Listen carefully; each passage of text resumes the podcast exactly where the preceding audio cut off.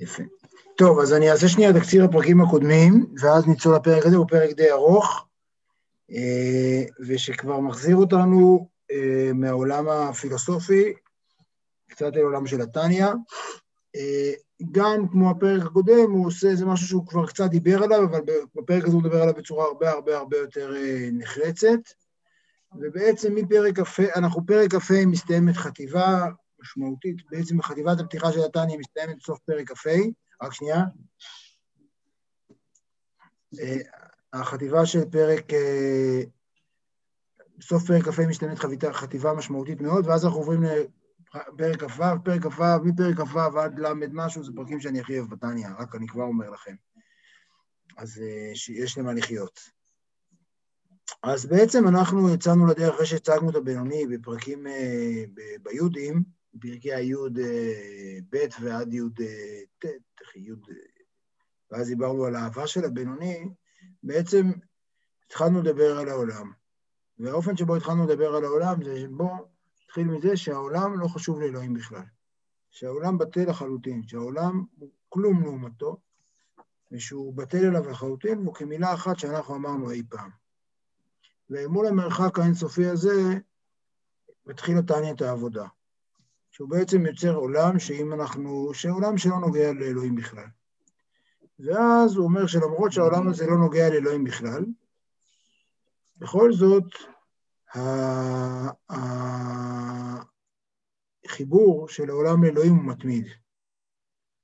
ולמרות שהעולם אינו נוגע, ש... למרות שהוא בטל אליו, למרות שהוא כלום, המילה הזאת שנאמרה אי פעם, מחוברת ויונקת ממנו כל רגע ורגע. אז נוצר כאן איזה סוג של סתירה, כי מצד אחד יש לנו כאן מרחק אינסופי, מצד שני יש כאן קרבה מוחלטת. ובעצם העולם שלנו נע בין שני הכתבים האלה כל הזמן. נע בין קוטב של המרחק האינסופי לבין הקרבה המוחלטת, לבין האחדות המוחלטת, שבו אנחנו, כל דבר בעולם הוא אלוהים. ובתוך התווך הזה נמצאות המצוות והעבירות. ובעצם הקדוש ברוך הוא החליט, הקדוש ברוך הוא שהוא בעצם שואל, ונשאלת השאלה איך מגשרים בין העולם שלנו, שהוא מוגבל וחשוך, לבין האינסוף. הקדוש ברוך הוא החליט מה, מה הדרך לגשר בין הסוף לאינסוף. כלומר, רק האינסוף יכול להחליט איך מגשרים. בין ה... איך מגשרים, איך האינסוף יכול לשרות בסוף, בעולם המוגבל. ואז בעצם נכנסנו לשאלה מה בתוך הבריאה הוא פנימיות רצונו ומה חיצוניות רצונו, שכאשר מה שדיברנו בפרק הקודם, שהמצוות הן פנימיות רצונו. המצוות זה דבר שבשבילו נברא העולם, והמצוות הן בעצם הביטוי, אם אני לוקח את שתי הכתבים של פרק כ' וכ"א, הם ביטוי לכך כמה העולם קשור לאלוהים.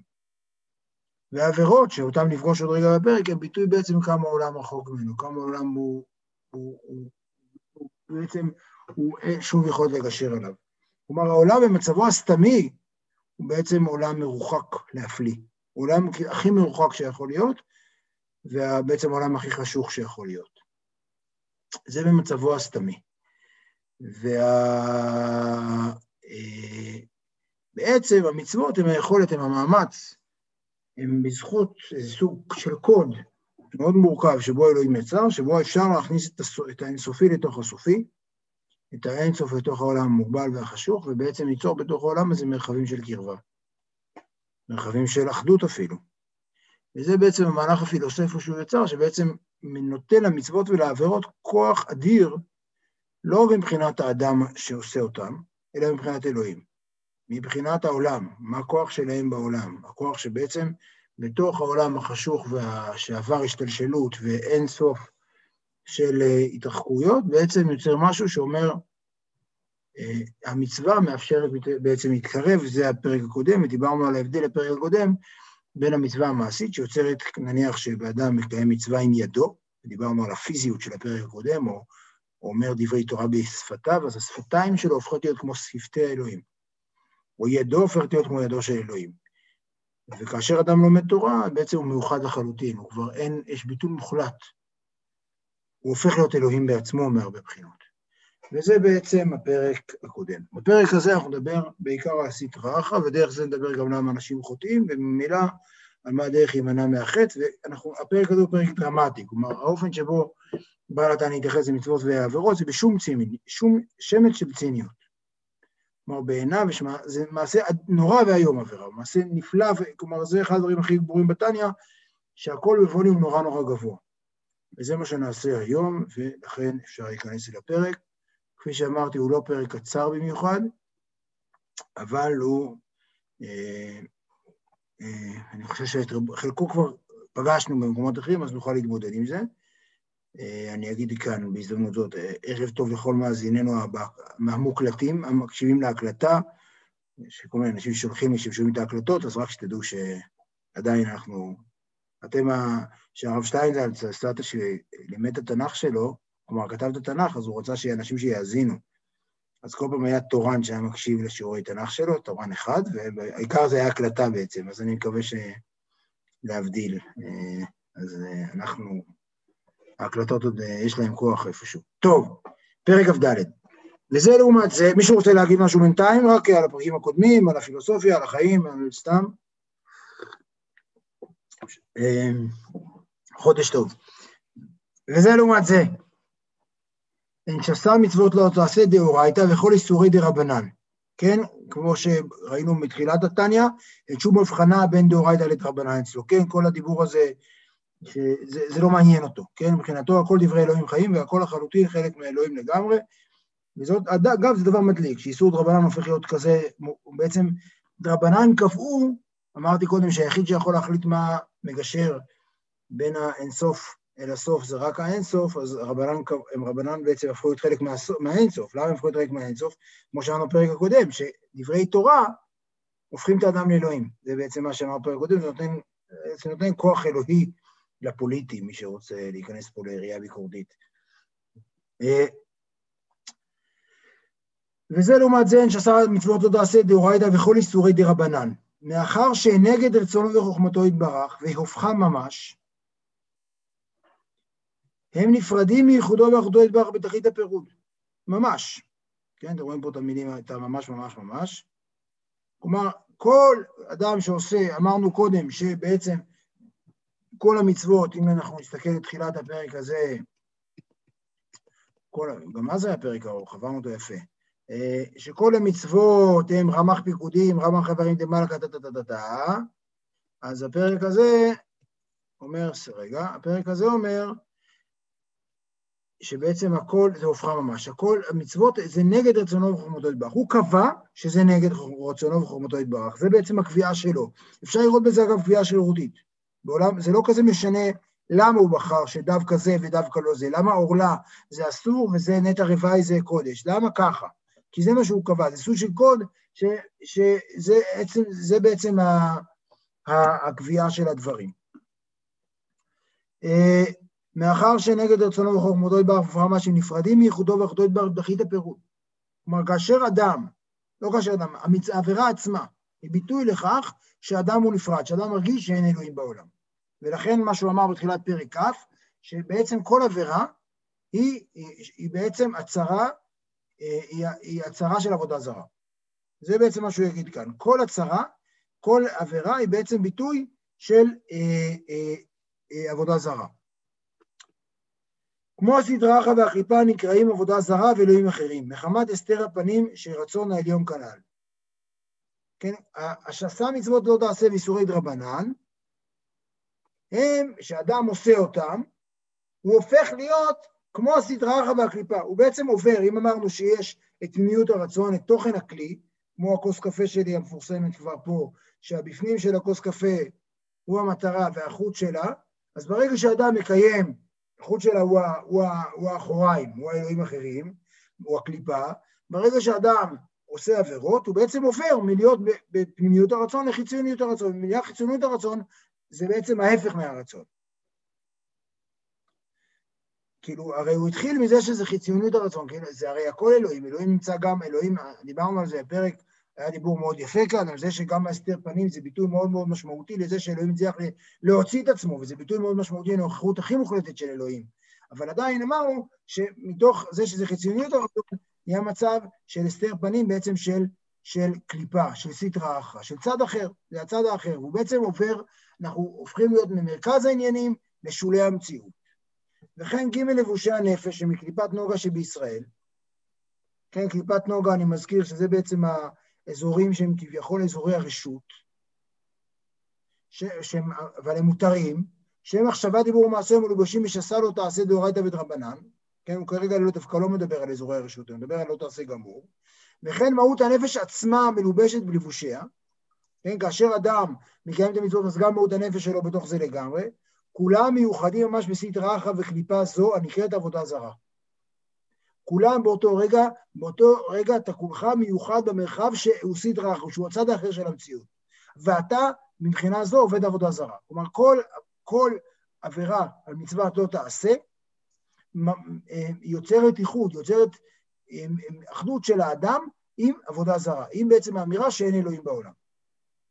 ולא עוד אלא שבטלים וטפלים אליה גרועים ופחותים ממנה מאוד. כן? לא רק זה, לאדם שחוטא הוא יותר גרוע מהסדרה אחת בעצמה. יש סדרה אחת בעצמה. יש קיום של סדרה אחת בעצמה, למשל, ניתן דוגמה פשוטה, זה חזיר. חזיר הוא סדרה אחת, אבל כשלעצמו הוא לא סדרה אחת. כן, חזיר שהולך ברחוב, אה, אי שם אה, בגרמניה הירוקה, על שפת האגם, הוא לא, הוא כולה, הוא אמנם לא פנימיות הרצון של אלוהים, הוא לא ירושלים שאורו של עולם שורה בה, אבל הוא, הוא בסדר. לעומת זאת, אדם שאוכל חזיר, הוא הרבה הרבה הרבה יותר גרוע. כי היא אינה מלובשת בגוף חמירי ודעת את ריבונה ואינה מורד בו. כן, כרגע הוא מדבר דווקא על הסדרה אחת, לא על החזיר בגרמניה, על האח, הוא מדבר כרגע על, ה, על, ה, על הרוח של הסדרה אחת. היא לא מלובשת בגוף חמרי ויודעת ריבונה ואינה מורדת בו. לפעול פעולתה כמשלחת מלאכי רעים שלה, שלא, בשל... שלה שלא בשליחותו של מקום ברוך הזה ושלום. היא עושה את שליחותה. כלומר, הסדרה אחת בעצמה, היצר הרע שלנו, וזו אמירה נורא חשובה כאן, שתתחיל להיות מפתח יותר ויותר משמעותי להמשך. היצר הרע שלנו, שאומר לנו, אה, בוא תשען עוד שעה, בוא תחטא, בוא תחלל שבת, הוא בסדר גמור. הוא עושה את שליחותו של מקום. מי, מה הבעיה? הבעיה מתחילה לא שיש לך יצר הרע, יצר הרע זה בסדר גמור. יצר הרע זה התפקיד שלו. הוא בשליחותו של מקום. הבעיה מתחילה בזה שאדם מקשיב לו, ואדם עושה אותו, וכאשר אדם מקשיב לו זה גם מרד, זה גם התלבשות בגוף חמרי, וזה יוצא פירות חומריים, כי אדם ש... אה, לא יודע מה, בשבת מבשל אה, סטייק, אז יש לו, אה, הוא יוצר מרחב הוא בונה משהו בשבת, המבנה שהוא בנה בשבת יוצר מרחב שהוא הלבשה של גוף חומרי של סטרא אחא, הוא בעצם נותן לה ממשות שלא הייתה לו קודם בעולם. והוא גם מורד, והוא, ו, וזה משהו אחר לגמרי, כלומר, האדם החוטא יותר גרוע מה, מה, מהדחף לחטא. וכמאמר בלעם, לא יוכל לעבור את פי השם וגומר. אגב, זה נורא חשוב להגיד, שערעור, שהסיטרא, היצר הרע שאומר לנו מה לעשות, שדוחף אותנו, הוא מצוין, הוא בסדר גמור. ולכן כאשר אדם רואה שיש בתוכו סטרא אחא ויש לו דחפים רעים, לא צריך בכלל להיות מוטרד מזה, זה בסדר גמור. הבעיה רק, השאלה אם הוא מקשיב או לא. וכמה אמר בלעם, שבלעם הוא נחשב בפרקי אבות, מי שמכיר את פרקי אבות רואה כמה הפכו את בלעם לדמות, בעצם לאנטיתזה לאברהם אבינו, למשה רבנו, כלומר הוא הכי גרוע שיכול להיות. הוא אמנם עוצמה רוחנית מאוד גבוהה, אבל הוא עוצמה רוחנית גבוהה של סדרה אחת. ומאמר בלעם עצמו לא אוכל לעבור את פי השם. כלומר, אף ש... כלומר, בלעם, שהוא סדרה אחת גדולה מאוד, הוא עדיין, אה, אה, אה, הוא עושה את שליחותו, הוא עושה את תפקידו. ואף שנקרא עבודה זרה, כלומר, למרות שהדברים האלה הם עבודה זרה, הסטרא אחא שאמרנו שהיא בסדר, היא עבודה זרה, הכרו לאליה דאליה, אלהא דאליה. כלומר, אלוהים, קוראים לי השם, אלוהי האלוהים. הם יודעים בסופו של דבר, הם יודעים בסופו של דבר שאומנם הם מחשיבים את עצמם מאוד, אבל הם יודעים שיש אלוהים. בשונה מאדם שחוטא, שלא חושב שיש אלוהים, ואינם יכולים לעבור קהל רצונו יתברך, כי יודעים ומשיגים שיוכיותם וקיומם. שיונקים מבחינת אחוריים דאחוריים שרצון ממנו ברוך הוא מקיף עליהם. כלומר, הם יודעים שיש אלוהים. הסטרא אחא בעצמה, גם החזיר ההוא שדיברתי עליו קודם, וגם הדחפים שלנו, וגם כל המערך של הסטרא אחא בעולם, כל המהלך הרוחני של הסטרא אחא בעולם, יודע שיש אלוהים. והוא קורא, והוא יודע שהוא אומר, אני גם אלוהים, אבל הוא אלוהי אלוהים. והוא גם יודעים שהם יונקים ממנו. אלא שנקתם וחיותם שבתוכם מבחינת גלות בתוכם. להחשיב עצמם לאלוהות. אלוהות. הם מחשיבים את עצמם לאלוהות, אבל הם לא, והרי זו כפירה, בואו נראה, הוא אומר את האבל הזה, אני לא צריך להגיד את זה, והרי זו כפירה באחדותו, כלומר, הם לא אומרים, זה, הם כופרים, יש שתי, יש שתי מצוות הראשונות בספר המצוות של הרמב"ם, זה מצוות אמונה, אמונה בהשם, והמצווה השנייה במצוות אחדות השם. אז את המצווה הראשונה הם לא, הם לא מפרים, מפרים רק המצווה השנייה, שאומרים שהוא לא אחד, גם אני אלוהים, נכון שיש אלוהים, אבל גם אני כאן. יש עוד נוכחות.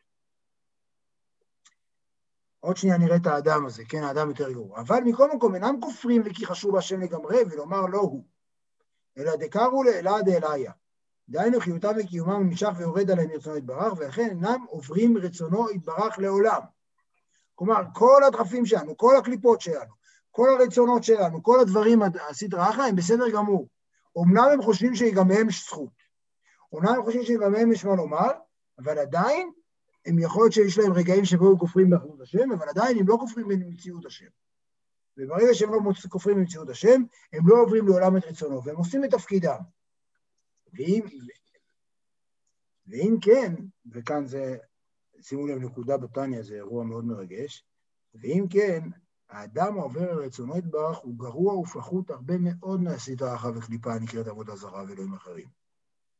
כלומר, האדם שעובר על רצונו, שבוחר בוחר נמרוד, הוא הרבה יותר גרוע מהסדרה והקליפה עצמה. הוא בעצם, הוא עושה משהו שהוא, הוא, הוא בשונה, הוא עושה משהו שהוא חורג מתפקידו ההיסטורי.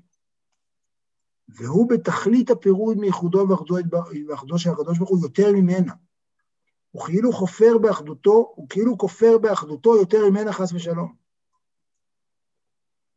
כן, הוא בעצם עוקף בסיבוב את הסטרא אחא שדחפה אותו לעשות את זה. כמו שכתוב בעץ חיים, שער מ"ב סוף פרק ד', שזה ספר של הארי, שהרע שבעולם הזה החומרי הוא שמרי הקליפות הגסות וכולי. והוא תכלית הבירור, ולכן כל מעשי העולם הזה קשים ורעים והרשעים גוברים בו וכולי. כלומר, הרע הוא, הוא, הוא, אתה אמור לברר אותו, ולא אמור להפך להתמסר אליו. ולכן כל מעשי העולם הזה קשים ורעים והרשעים גוברים בו וכו'. כלומר, העולם הזה רובו המוחלט, וזו תפיסה שהתניא חוזר עליה הרבה מאוד פעמים, העולם הזה רובו המוחלט הוא רע. הוא רע כי הסדרה עצמה היא לא רעה. הסדרה עצמה, ההרים, הגבעות, המכוניות, העננים, הם, הם בסדר גמור. הם לא, אפשר לראות בהם כמשהו שמדבר את דבר השם כל הזמן, אבל אפשר לראות בהם, הם צד אחר, הם לא אלוהים דווקא. אבל האדם שחוטא, אדם ש, שבעצם לא עושה מעשים של קדושה, הוא בעצם רוב מוחלט של העולם, וזה בעצם מרחב של מעשה העולם הזה קשה ורע, זה עולם שכולו עולם של פירוד. אז עד כאן החלק הראשון של הפרק, פרק אמרתי קצת ארוך, פרק, החלק הראשון של הפרק אומר דבר שכבר בעצם אמרנו אותו, אבל גם כאן הוא אומר את זה מזווית אחרת.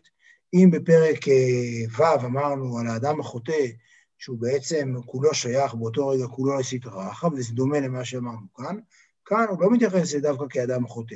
הוא אומר בעצם, כאשר אדם חוטא, הוא לוקח את העולם המפורד והחשוך והמרוחק, ולוקח את זה עוד צעד למטה. כלומר, האדם בראייה קוסמית עושה, עושה, יוצר דבר שטרם נהיה בעולם. האדם החוטא, מבחינה, אם אני מסתכל על זה מבחינה גלובלית, הוא יוצר כאן דבר אה, אחר לגמרי. הוא עושה כאן, אה, יוצר כאן אה, אה, אה, ריחוק נוסף שטרם היה. וזה בעצם מה שהוא אומר מבחינת, נקודת המבט שלו מבחינת מה שקורה בעולם. וזה מה שקורה. עכשיו הוא רוצה להתחיל להציע איך אפשר להתגבר על זה. ולכן אמרו רבותינו זיכרונם לברכה על פסוק, כי תסטה אשתו. שכתוב את זה כמובן בפרשת סוטה, ואתם רואים את השין הזאת, שהיא חשובה כאן, כותבים תסטה בעיקרון בסמך, וכתוב את זה כאן בשין, כי תסטה אשתו, שאיש כי תסטה אשתו. אין אדם עובר עבירה, אלא אם כן עבר ברוח שטות. כלומר, ואפילו, כלומר, מה שהוא בעצם אומר כאן, שכל היכולת של האדם לחטוא קשורה לרוח שטות. קשורה לרוח שטות בזה שהוא חושב שזה לא נורא. רוח השטות אומרת, הכל בסדר, אתה נשאר שייך. רוח השטות בעצם מאפשרת לך להתעלם מחומרת המעשה שאתה עושה. מאפשרת לאדם להתעלם מהעובדה שבשעה שהוא עובר עבירה, הוא יוצר טלטלה בעולם, הוא יוצר אי בודד, הוא יוצר מרחב נטוש בעולם שעד כה לא היה. הוא מחלל את השם, זה בעצם הרעיון. ואת הדבר הזה אנשים לא מבינים. זה, זה השטות של האישה, אותה אישה סוטה, או של כל חוטא אחר, השטות שלו זה שהוא לא שם לב מה הוא עושה לעולם, והוא לא שם לב מה הוא עושה בעצמו, ויש לו מחשבה שלא נורא. בעצם תשתי, השטות אומרת, המעשה שלי הוא לא כזה סיפור. זה איזה סוג של תפיסה ניהליסטית כזאת, שאומרת, לא נורא, נעשה ככה, נעשה, הרי תפיסה צינית, שהתניא לגמרי, איתה, אני חושב שלתניא יש את הוויכוח הכי משמעותי עם הגישה הזאת דווקא, שאומרת לא נורא. וזה השטות הגדולה שבעצם אומר. כי הרי מה, מה הוא אומר? זה אפילו אישה מנאפת.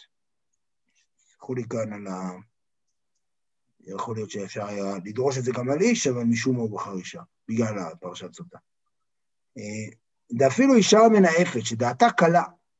כלומר, הוא מדמיין כרגע אישה ספציפית, שהיא הולכת לנהל ודעתה קלה ואומרת לה לא נורא. הייתה מושלת ברוח תאוותה, לא ריח שטות שבאה מכסה, הוא מסתיר מעליה, הוא מסתיר ומעלים את האהבה המסותרת שבנפשה האלוהית. כלומר, הוא אומר בעצם, אם כל אחד היה יכול, הרי הוא הסביר לנו קודם על אהבה מסותרת. אהבה מסותרת, אומר, נכון, אדם שיש בן אדם אחד שמשכיל ומבין את אלוהים, יש אדם אחד שלא משכיל ומבין, אבל הוא חושב שצריך, ויש אדם אחד שאפילו לא חושב שצריך, אבל מה? הוא מרגיש שייך. אז הוא אומר, כל אדם היה יכול לשאול, אה, כי יש לו, אם, אם הוא לא מקשקש לעצמו את השטות שאמרנו קודם, אז הוא היה מגלה שבתוכו יש אהבה מסותרת שלא מוכנה להיפרד מאלוהים. ולכן כל אחד יכול בכל רגע ורגע למשול ברוח תאוותו. ואפילו אישה מנאפת, שדעתה קלה, הייתה מושלת ברוח תאוותה, הוא לא יראה שטות שבה המכסה ומסתיר ומעלים את האהבה המסודרת שבנפשה האלוהית לדבקה באמונת השם ויחדו ואחדותו. ולא להיפרד חס ושלום מאחדותו, אפילו נותנים את נפשם ממנה לעבוד עבודה זרה חס ושלום, ואפילו בהשתחווה, אני תכף אסביר, אפילו בהשתחווה לבדה, בלי שום אמונה בלב כלל, וכל שכן לכבוש העצר ותאוות הניאוף, שהם איסורים קלים ממיתה, השם ישמרנו. כן? כלומר, הרי כל אישה מנאפת לא הייתה מוכנה להשתחוות לפסל. לא הייתה מוכנה לעבוד עבודה זרה, ואפילו הייתה, לא הייתה מוכנה לעשות כאילו היא עובדת עבודה זרה. כי הדבר הזה היה נתפס בעיניה כדבר שעליו שוברים את הכלים. כמו שכבר הסברנו בפרק י"ח וי"ט על אהבה מסותרת. היא לא מוכנה לא להיות שייכת. אם היא הייתה יודעת שהמשמעות של הזנות הזאת הופכת אותה לא שייכת, היא לא הייתה מוכנה. ולכן יש לה את הכוח. הכוח הזה נמצא. אה, והיא הייתה מוכנה לכבוש העצר ותאוות הניאוף ולא, ולוותר על זה.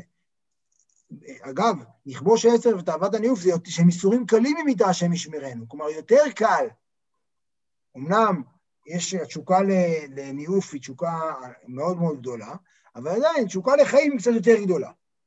ולכן אם אדם מוכן, אם האישה הזאת המנאפת, האישה הקלה הזאת, היא הייתה מוכנה, הוא הוכיח לנו כבר לחלוטין, שהיא לא מוכנה לוותר על השייכות שלה ליהדות או לאלוהים, לא משנה איך נקרא לזה, אז בוודאי שהיא הייתה מוכנה בגלל זה לסבול להיות מוכנה למות, שזה הדבר, לוותר על התשוקה שלה לחיים, היא בוודאי תוותר על התשוקה שלה לניאוף בשביל זה.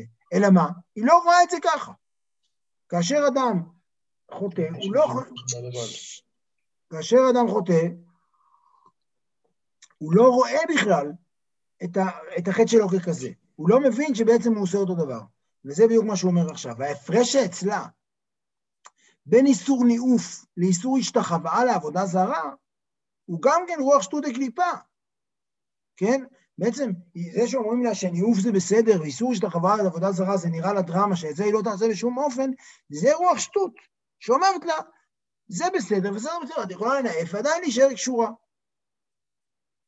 וזה רוח השטות. רוח השטות היא בעצם רוח שאומרת הכל בסדר, המעשה שלך לא נורא.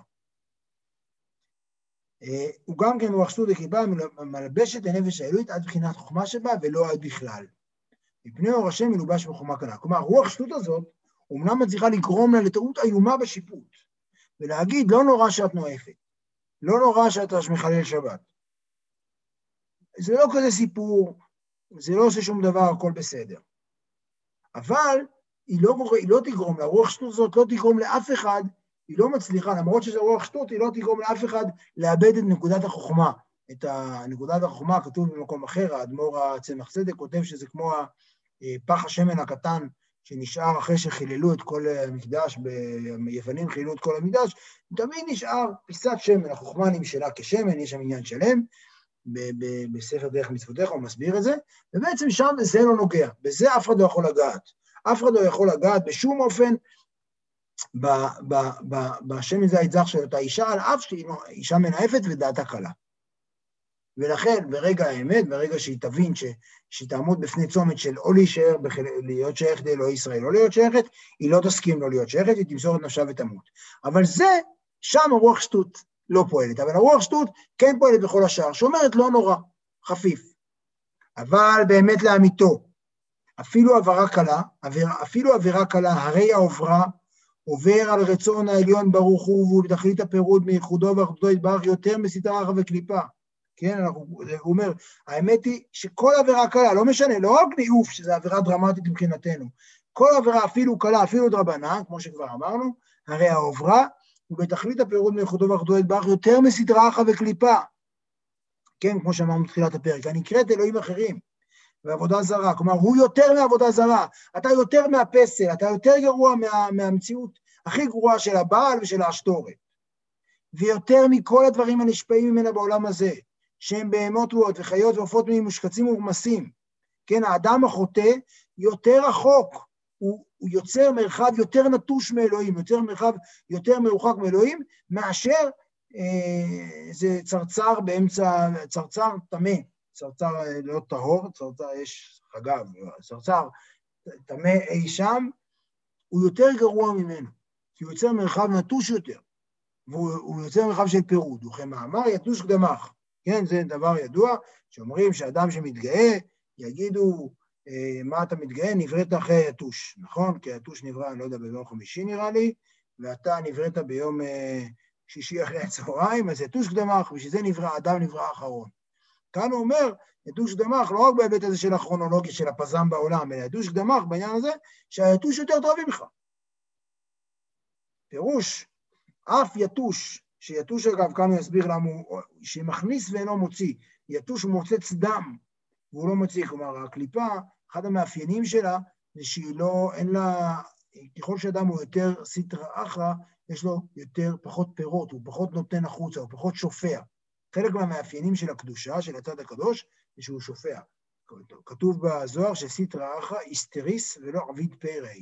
כלומר, סיטרא אחא מסורס ולא עושה פירות. שזה בעצם אחד המאפיינים הכי עמוקים של סיטרא אחא, שאין לו יכולת להתרבות. ההתרבות קשורה לקדושה. אז היתוש הזה שהוא מכניס ואינו מוציא, שהיא קליפה יותר תחתונה ורחוקה מבחינת הקדושה המשפעת בתכלית הריחוק, כן, שהיתוש הוא באמת אחד החיות מבחינת ההיררכיה של הקודש, מה, מהנחותות יותר, עדיין הוא, הקליפה הזאת היא קודמת לאיש החוטא. כאשר אתה חוטא, אתה יותר גרוע מיתוש. בהשתלשלות וירידת החיות מרצון העליון ברוך הוא. כלומר, בשעה הזאתי, כאשר אדם חוטא, האופן שבו אלוהים, הנוכחות של רצון העליון, שבשבילו אלוהים בורא את העולם, היא אה, אה, יותר נמוכה מאשר יתוש קטן ומוצץ דם מנוול. ואפילו, כל שכן שאר בעלי חיים הטמאים, כן? דיברנו על החזיר, על הכלב, על החתום, תבחרו איזה חיה שאתם רוצים, אנחנו יותר גרועים ממנה. ואפילו חיות רעות שכולם אינם משנים תפקידם הפכו אותו יתברך שמר רוחם, ואף אגב דיור לך זה, כן? מה זה לך זה? כלומר, זה שהחתול לא יודע שהוא עושה תפקידו, זה לא משנה, המזל שלו יודע את זה. והם כולם בסדר גמור. אבל כאשר היהודי חוטא, הוא בעצם הופך להיות, ועוד שנייה הוא יגיע לזה עוד יותר, הוא הופך להיות אה, אה, חיה מאוד מאוד מאוד מאוד נחותה בבריאה. מאוד מאוד ירודה. הוא יוצר, שוב, כאמור, מרחב נטוש. והוא בעצם מוריד את עצמו למקום הרבה הרבה יותר, אם אנחנו מסתכלים שוב על ההשתלשלות המדרגות, הוא מוריד את עצמו למרחב הרבה הרבה יותר נמוך ומרוחק. כמו שכתוב, ומורכם וחיתכם יהיה על כל חיית הארץ. כן, עקרונית, אתה אמור לשלוט בחיות, כי העולם אמור להיות מסודר לפי הסדר של הקדושה. וכפירוש חז"ל שאין חיה רעה מושלת באדם, אלא אם כן נדמה לה כבהמה. שבעצם, מה שהוא אומר כאן, זה שבעצם האדם החוטא הופך להיות חלק מהעולם הזיאולוגי הכי, הכי הביולוגי או הזיאולוגי, הכי, אה, אה, אה, אה, הופך להיות חלק מזה, הוא חלק מחיית הארץ. אלה, אדם שלא חוטא, צדיקים, שאין צייה מאלוהים מסתלק מעל פניהם, כל חיות רעות יתקפיהם כמיו, הן כפופות לפניו. כמו שכתוב בזוהר, לגבי דניאל בגובה אריות. מה שהציל את דניאל זה לא שבא מלאך, שדניאל פשוט היה בן אדם. זה הטענה שלו. שאדם הוא בן אדם, העולם, העולם הוא מסודר. העולם הוא מסודר. כאשר העולם מסודר ובני אדם הם בני אדם, אז בעצם החיות יודעות את מקומן. החיות יודעות את מקומן, והן לא, לא יכולות לגעת בו. בשונה מזאת, שכאשר אדם הוא בעצם חלק, הוא הופך להיות חלק מהג'ונגל, אז חיה רעה מושלת בו. ואם כן, החוטא ועובר את צונו יתברך אפילו בעבירה קלה בשעת מעשה, ובתכלית הריחוק מקדושה העליונה שהיא ייחודו ואחדו יתברך יותר מכל בעלי החיים הטמאים מושחצים ומזים המושפעים מסטרה ולכיפת עבודה זרה. נקודה. אנחנו עוד רגע, הפרק מסתיים עוד עמוד. זה בעצם הנקודה, הוא אומר אותה כאן, צריך לראות, הוא חוזר על זה, א', כבר, זה משהו שכבר פגשנו בתניא, אבל הוא חוזר על זה שוב ושוב ושוב ושוב, להגיד כמה דרמטי כל המעשה שלנו, כמה דרמטי כל המעשה שלנו, וכאן, כמה דרמטי, הזווית הסתכלות כאן היא שוב, כמו שאמרתי, היא זווית הסתכלות מלמעלה. אתה בעצם משנה את מקומו של האדם בתוך הסדר של הבריאה. הסדר של האדם בתוך העולם של הבריאה משתנה כאן באופן מהותי. הוא הופך להיות חלק מהג'ונגל. עכשיו, לפי זה יוצא שכל העביר, העבירות הן, הן אותו דבר. כל העבירות גם צריכות להיות ייהרג ובל יעבור, כי אם אני כל עבירה הכי קלה, לא יודע מה, ליטול אה, אה, ידיים בלי כוס, הופכת להיות אה, דרמטית כזאת, אז מה, איפה ההיררכיה של המצוות והעבירות? וכאן הוא נכנס לדיון קטן, ומה שפיקוח נפש, דוחה שאר עבירות וגם יעבור ואל ייהרג, כן, יש הרי רוב מוחלט של המצוות, גם אם אומרים לך, תמות, או שתאכל עורלה, אז אתה צריך לעבור ולא להיהרג, זה המצווה. וגם שבת, אתה אמור לעבור ולא להיהרג, פיקוח נפש דורש שבת. ובעצם השאלה אם כך, הרי כל, אם אתה כל כך דרמטי, כלומר, ההווה אמינא שלו פה היא נורא חשובה, כי בעיניו על כל עבירה היה עדיף למות, כי זה שטות אדירה, תחשבו על התשתה, על התסתה אשתו הזה. איש כי תסתה אשתו, שזה שטות, זה רוח שטות מטורפת, שאתה חושב שאתה יכול לחיות, ואחרי שאתה מקיים אווירה, אז, כל, אז צריך להיות פה, זה קנאות מוחלטת. שבעצם שום רגע של עבירה, כל עבירה היא דרמה. אז בכל זאת נכנס כאן לעשר חשבון. היינו כפי, כ, כפירוש חז"ל, אמרה תורה, חלל עליו שבת אחת כדי שישמור שבתות הרבה. כלומר, יש כאן איזה סוג של חשבון שאומר, שווה לי לתת לבן אדם לא למות, בשביל שאחרי, לעשות איזה סוג של הלוואה. עכשיו אנחנו רגע נפגע בחילול הזה, בשביל שישמור שבתות הרבה. כלומר, בשביל שבהמשך הוא ישמור שבתות. אגב, זה נורא חשוב, יש איזה דיון מאוד רחב, האם פיקוח נפש, אדם שצריך עכשיו לנסוע בשבת, האם הנסיעה בשבת הזאת היא הותרה או דחויה? כלומר, האם מותר לו לנסוע בשבת, או שכרגע האיסור הוא דחוי? האם בעצם, ומה שהוא אומר כאן, אגב, שזה איסור גמור, אבל שווה לי. באותו רגע, האדם הזה באמת אה, יוצר מרחב מאוד מאוד בעייתי. הוא בעצם עוזב לקדוש ברוך הוא באותו רגע. כאשר אדם מחלל שבת, למרות שזה פיקוח נפש. אבל שווה לי, כי שבת אחרי זה הוא ישמור שבת ולא ימות. זה בעצם, זו אמירה מאוד מאוד uh, קשה, זה קשה אחרי זה לחלל שבת גם בפיקוח נפש לפי האמירה הזאת. וכל זה, ולא משום קלות העבירות וחומרן. כלומר, העובדה שיש מצוות שצריך להרג ובא לעבור בשבילם, ויש מצוות שלא, העבירות שלו, לא אומר שהמצוות הללו קלות יותר. איך הוא מוכיח את זה? עכשיו תראו, זה קצת, בעל התניא, אני מזכיר לכם שהוא גם איש הלכה, אז פה אנחנו בתוך זה. תדע שהרי שבת חמורה ושקולה כעבודה זרה לעניין שחיטת אומה לדבר אחד ביורה דעה, סימן ב'. מי שאין כן, אני אקרא את סוף הסוגריים להסביר, מי שאין כן מומר לגילוי עריות, ואפילו אח, מי שאין כן מומר לגילוי עריות. כלומר, הרי אדם שמכריז בקול רם שהוא, שהוא אה, אה, מחלל שבתות, שהוא לא שומר שבת, הוא נחשב, השחיטה שלו נחשבת כמו שחיטה של מומר, ואי אפשר, השחיטה שלו לא כשרה. בשונה מאדם שאומר שהוא מגלה עריות. לא יודע מה הוא עושה, תחשבו לבד. עדיין, בהקשר הזה דווקא מצוות שבת חמורה יותר מאשר מצוות גילוי עריות. ואת האוכל שלו מותר לאכול, את השחיטות שלו. ולמרות זאת, אפילו אחי פיקוח נפש דוחה שבת ולא גילוי עריות. אלא דגזירת הכתוב. גזירת הכתוב של גילוי עריות ייהרג ובל יעבור, ובשבת לא ייהרג ובל יעבור. הקדוש ברוך הוא קבע מה, מה, מה, מתי עושים את החשבון הזה. החשבון הזה שחלילה בשבתות הרבה, זה חשבון ספציפי. הרי גם בגילוי הרוד יכול להגיד, הם, הם, לא יודע מה, הם, הם, חלילה עליו ניאוף אחד בשביל שיקיים מצוות הרבה. לא אומרים, שם לא אומרים את זה, בשבת כן אומרים את זה. כי זה גזירת הכתוב. אלא עכשיו, אה, אה, עוד נקודה, בואו נראה אותה, אלא שלאחר מעשה החטא, אם היא מעבירות שאין בהן כרת ומיטה בשמיים, גם כן, הרי אחרי החטא, לכאורה, אם עושים כל עבירה היא כזאת דרמה, אז אחרי החטא, תראה מה צריך, הבן אדם לא יכול לחיות בכלל אחרי החטא. אלא שלאחר מעשה החטא, אם היא מעבירות שאין בהן כרת ומיטה בשמיים, שאין נפשו אלוהית מתה לגמרי, ונחית משורשה באלוהים חיים, רק שנפגם קצת מדבקותה ואחיזתה בשורשה בכדי זה, הרי גם נפשו החיונית הבהמית המלובשת בגופו וכן גופו חוזרים ועולים מהסדרה אחרי כיפה הזו מתקרבים לקדושת נפש האלוהית המלובשת בהם. כלומר, שוב הוא אומר, אם ככה אז אין חזרה בתשובה גם. אם העבירות הן כזאת דרמה, אז אין שום יכולת לחזור בתשובה לעולמים. כי אדם אשר חטא, הוא בעצם עובר צד. הוא הפך להיות, אמרנו, יתוש, יותר פחות מיתוש, אז איך עוד שהוא יכול לחזור? אז הוא אומר, יש עבירות שבאמת אי אפשר לחזור מהן, עבירות של כרת ומיטה בידי שמיים, שבעצם זה ביטוי נורא נורא קשה, שנפשו האלוהית מתה לגמרי. תראו איזה, נפשו האלוהית מתה לגמרי ונחרדת משורשה באלוהים חיים. יש אנשים שבעצם מתים מהלכים, שנפשם האלוהית כבר מתה לגמרי, אין שם כלום. אבל אם זה לא עבירות של כרת ולא עבירות של מיטה בידי שמיים, שהנפש שלו לא, אפשר עדיין לחזור בתשובה. וזה, יש כאן את ההגעה, ולפי ערך וחילוקי בחינת הפגם שבנפש, ירושלים נלקח מחילוקי בחינת המירוק והעונש בגיהנום ובעולם הזה, יכול לבוא מחטא עונש מיוחד, למרק ולהעביר הליכוך והפגם וכן מחייבי מיטה וכרת, אין פוגעים וכולם משווה. כלומר, כל מצווה, כל עבירה שהיא לא כרת, יש דרך דרך לתקן. כלומר, יש צורך לתקן. כל עבירה היא שורדת משהו במציאות. היא נשארת במציאות, היא לא עוזבת את המציאות.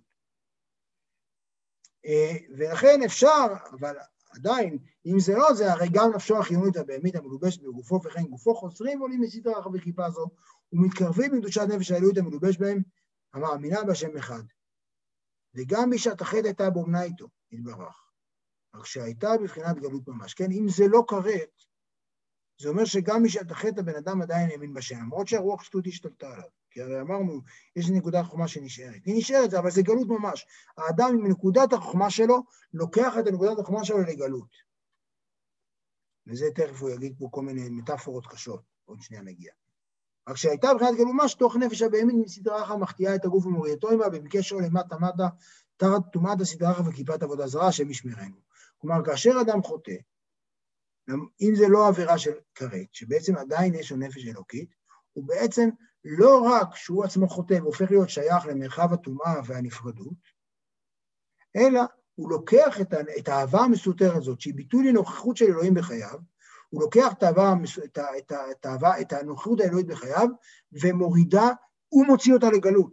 הוא מייצר עבור הגלות, והוא לוקח עם הגוף ומוריד אותה בעמקי שור למטה מטה, תחת אומת הסדר אחר כיפת זרה. כלומר, כמו שאמרנו, הוא יוצר, הוא, הוא פותח מרחבים חדשים של איי חרבות. ואין לך גלות גדול מזה מאיגרא רמא לבירא עמיקתא. כלומר, ככה, אדם שחוטא הנפש אלוקית שלו, בעצם זה הגלות הכי גדולה שיכולה להיות. כמו שביארנו לעיל. לשורש ומקור נפשו של כל בית ישראל הוא מרוחמה הילה. והוא יתברך וחוכמתו אחד וכולי. כלומר, כל אחד מישראל הוא בעצם, כמו שאמרנו, יש לו את ה... הוא לוקח את, ה, את הנקודת האהבה הזאת, נקודת שייכות הזאת, ההתגלות הזאת של אלוהים שיש בתוכו, יש לו את זה. וכאשר הוא חוטא, הוא בעצם לוקח את זה לגלות. הוא בעצם לא רק שהוא לוקח את עצמו, הוא גם לוקח את אלוהים, כי הוא בעצם יכל להיות, הוא בעצם חלק מאלוהים, הוא לוקח איזה גלות, וכאן הוא מגיע למטאפורה די קשה, שימו לב, והוא כמשל האוחז בראשו של מלך, ומורידו למטה וטומן פניו בתוך בית הכיסא מלא צואה. תראו איזה, הוא לא, הוא הקפיד מאוד להיות עם לשון מאוד ברורה, ציורית, שאין לך עלבון גדול מזה. כלומר, אדם שחוטא, אדם יהודי שחוטא, קיבלת נפש אלוהית, קיבלת נקודת אמונה, קיבלת אהבה מסותרת, זה אומר שאתה בעצם מחזיק אצלך כל הזמן את הנקודה הזאת של החיבור, את חלק מאלוהים. ואם אתה מחזיק את חלק אלוהים כאשר אתה חוטא, אתה בעצם כמשל האוחז בראשו של מלך, ומורידו למטה וטומן פניו בתוך בית הכיסא מלא צואה. שאין לך עלבון גדול מזה. זה הציוריות שהוא נותן לנו כאן, באמת בלשון די חריגה. אפילו עושה כן לפי שעה, כן? אפילו אתה אומר, רגע אחד, תן לי שנייה חופש, תן לי שנייה לחתום, מה קרה? עדיין, זה לא משנה, באותו רגע ככה זה קרה, ככה עשית, ואחרי שככה עשית, קשה לצאת מזה. שהקליפות וסטרא אחרא נקראים קיצורה כנודע. זה בעצם הדרמטיות שבה הוא מסיים את הפרק, ואפשר uh, לנוח רגע ולנשום. קשה, אה? יותר קשה, אמרתי לכם שהוא הולך להחמיר את זה יותר. אני חושב שמה שצריך לקחת... אם היה שלב שבו חיבבתי את הסיפור הזה, שכאילו ברגע אחד אנחנו, אני יכולה להיות במקום מסוים, אז עכשיו פחות.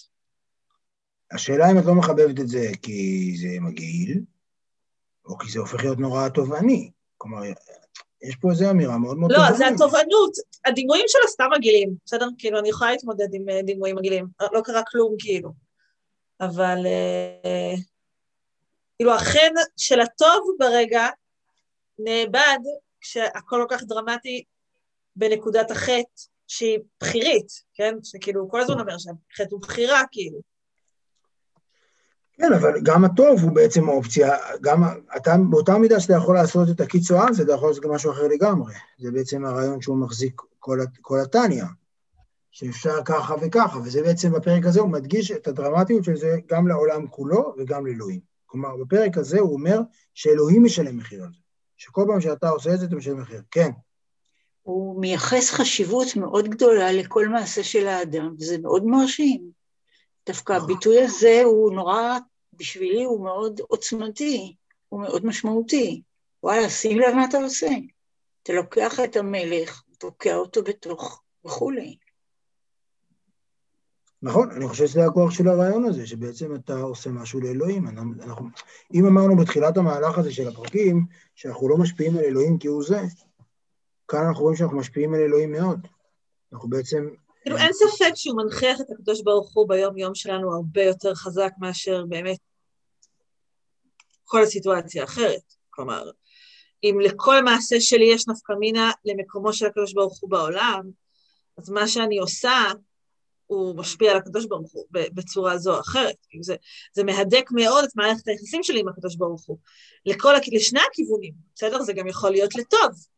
אבל הכיוון הרע הוא הכיוון המפחיד, כאילו, מה אני עושה לקדוש ברוך הוא כשאני חוטאת, כאילו, זה, זה הצד המפחיד, יש לזה גם את של היתרון שבו, בנקודה שבה אני מקיימת מצוות ועושה דברים חיוביים וטובים, אז אני, אז מערכת היחסים שלי עם הקדוש ברוך הוא מתהדקת, ואני מרגישה שאני מגדילה את הקדוש ברוך הוא בעולם, וזה וזה וזה, אבל בנקודת השפל היא, היא שפלה ביותר, והיא מלחיצה ביותר, וכאילו, יש רגעים כאלה שבא לי להגיד, טוב, אז לא משנה, אז אני מוכנה שהקדוש ברוך הוא יהיה טיפה יותר רחוק ממני, ורק כאילו שלא לכל מעשה שלי תהיה כזאת השלכה דרמטית כאילו על העולם. אז, אז אין מרחב ניטרלי אצלו, זה דבר ראשון. דבר שני, אני חושב שזה לא רק ש... אני חושב שהקדוש ברוך הוא פה הופך להיות סוג של, יש לו תלות בנו, הוא קצת מסכן ברגע הזה, כלומר, הוא, הוא, אנחנו, הוא תלוי בנו, הוא תלוי מה אנחנו עושים איתו, הוא ברא עולם, והוא כרגע, אנחנו מחליטים אם הוא נמצא כאן או לא נמצא כאן.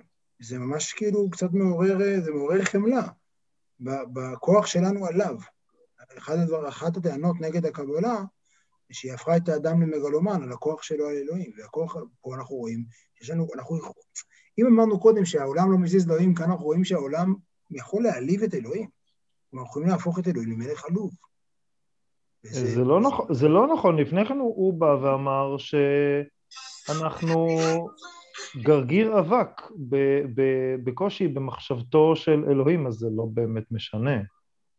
נכון, אבל אתה מחזיק, זה בדיוק, זה בדיוק הדואליות של הקבלה, הקבלה כולה, והחסידות בוודאי מחזיקה, זה בעצם מחזיק את שני הצדדים האלה. מצד אחד, אם נגיד זה ככה, יש, בה, יש, בה, יש, כאן את, יש כאן את האלוהים של הרמב"ם, שהעולם לא נוגע באלוהים, אלא אלוהים אין רצון ושום דבר, ומצד שני יש כאן תפיסה אחרת לגמרי, שאנחנו שולטים ומשפיעים על אלוהים, אז שני הדברים האלה נכונים בו זמנית.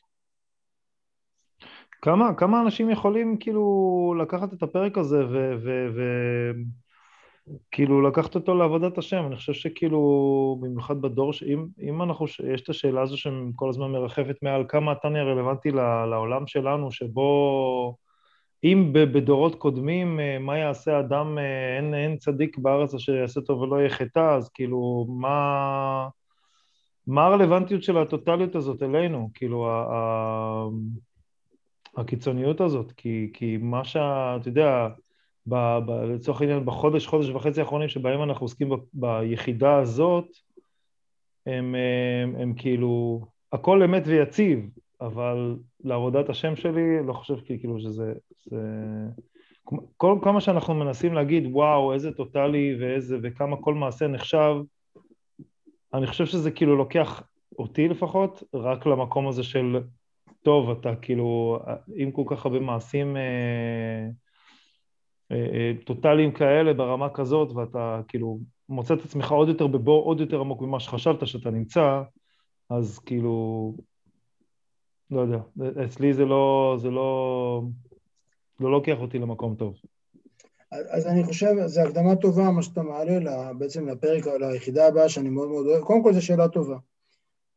ואני מסכים שאנחנו רוצים לחיות בעולם שבו להתייחס קצת פחות ברצינות למעשים שלנו זה יותר נעים.